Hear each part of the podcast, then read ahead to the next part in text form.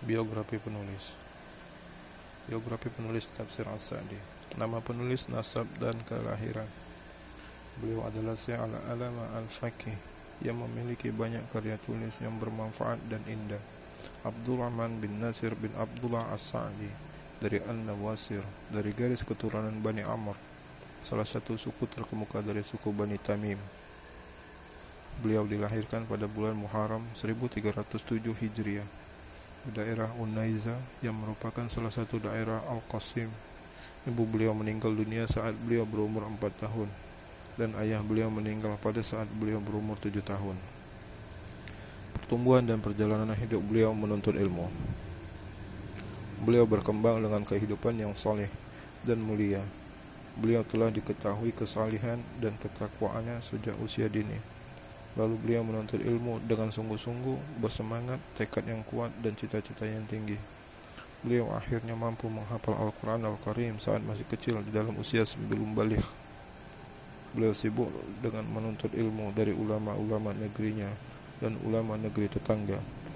Beliau hanya menyibukkan waktu dengan menuntut ilmu, baik secara hafalan, pemahaman, penelaahan, pengulangan, dan mempelajari kembali hingga dalam usia yang masih kecil tersebut beliau mampu memperoleh segala apa yang tidak mampu diperoleh oleh orang lain seusia beliau dalam masa yang panjang. Beliau mempelajari ilmu dari beberapa syekh. Di antara mereka adalah Muhammad Al-Karim As-Sibo, Ibrahim bin Hamad Al-Jaisir, Abdullah bin Ayyid, Muhammad Amin Ash-Shinkiti, Salih bin Usman Al-Qadi, Syekh bin Usman Al-Qadi. Lalu ketika teman-teman sesama penuntut ilmu melihat keunggulan beliau dari mereka dalam belajar dan kematangannya, akhirnya mereka belajar kepada beliau dan menuntut ilmu dari beliau.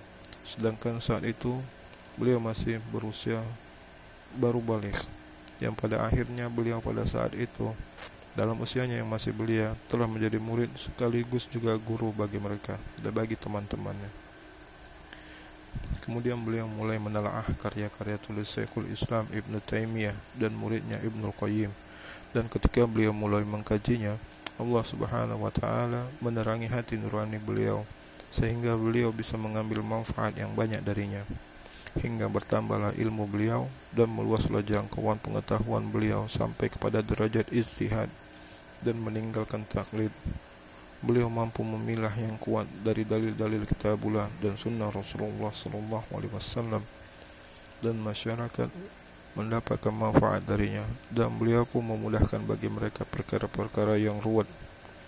Maksudnya, beliau telah menjadi tokoh referensi bagi negerinya dan penopang bagi mereka dalam berbagai kondisi dan urusan mereka. Beliau adalah guru bagi murid, penceramah umum, imam masjid agung, dan juru khutbahnya mufti negeri, penulis dokumen-dokumen penting, pemprakarsa wasiat dan wakaf, penghulu pernikahan, dan beliau adalah tokoh penasihat mereka dalam segala urusan mereka. Banyak sekali murid-murid yang telah menuntut ilmu dari beliau.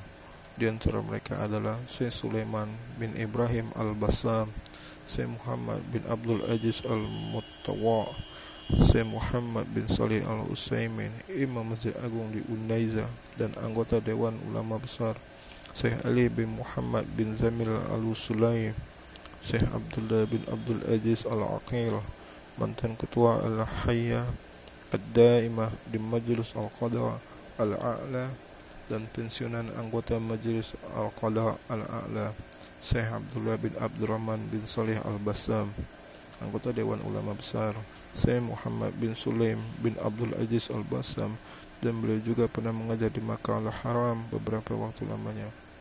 Karya tulis beliau lebih dari 30 judul dalam berbagai disiplin ilmu syariah berupa tafsir, hadis, fikih, usul, tauhid yang keduanya adalah berguna dan terlepas dari kesia-siaan dan perkataan mereka dan perkataan-perkataan yang kosong yang akan menuntun Anda kepada makna yang jelas sekali menurut tujuannya tanpa ada yang dibuat-buat dan dipikir panjang.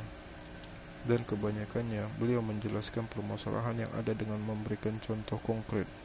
Agar makna yang dikehendaki agar makna yang dikehendaki dapat sampai kepada akal secara langsung tanpa kesulitan.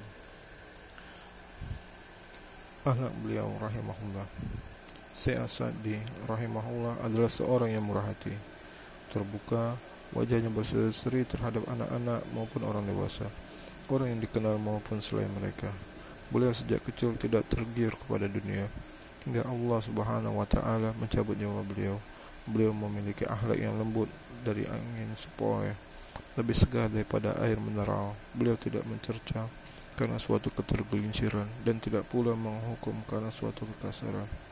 Allah Subhanahu wa taala telah menganugerahkan kepada beliau kecintaan dalam hatinya, keteguhan dalam jiwanya, hingga seluruh negeri mencintainya, sepakat dalam menghormatinya.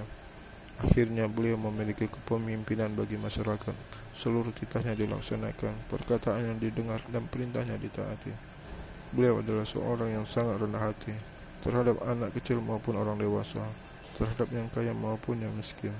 Semuanya sama. Beliau sangat suka berkumpul bersama masyarakat umum maupun para tokoh pada berbagai kegiatan masyarakat. Pada berbagai kegiatan maupun perkumpulan mereka. Dan apabila yang beliau berkumpul bersama yang itu maupun yang ini, niscaya perkumpulan itu akan berubah menjadi perkumpulan ilmu jika beliau bersama para penuntut ilmu, niscaya beliau membahas kajian ilmu bersama mereka. Dan bila bersama masyarakat umum, beliau memberikan wajangan kepada mereka tentang segala hal yang berguna bagi mereka, baik agama maupun dunia. Oleh karena keistimewaan inilah yang menunjukkan pada keterbukaan kesadarannya, terangnya kecerdasannya dan keluasan cakrawalanya. Anda bisa mendapatkan bahwa orang-orang yang menghadiri majelis-majelis ilmunya mengambil ilmu yang banyak dan manfaat yang besar darinya. Saya Sa'di wafat.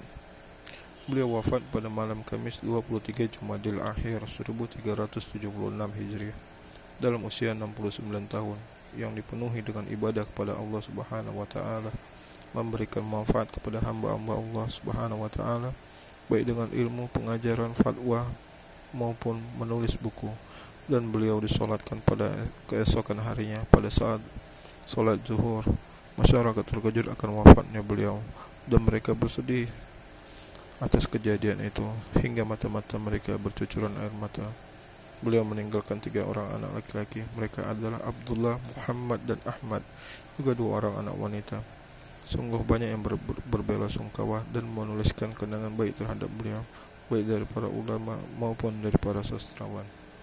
Subhanakallahumma wa bihamdika asyhadu an la ilaha illa anta astaghfiruka wa atubu ilaik.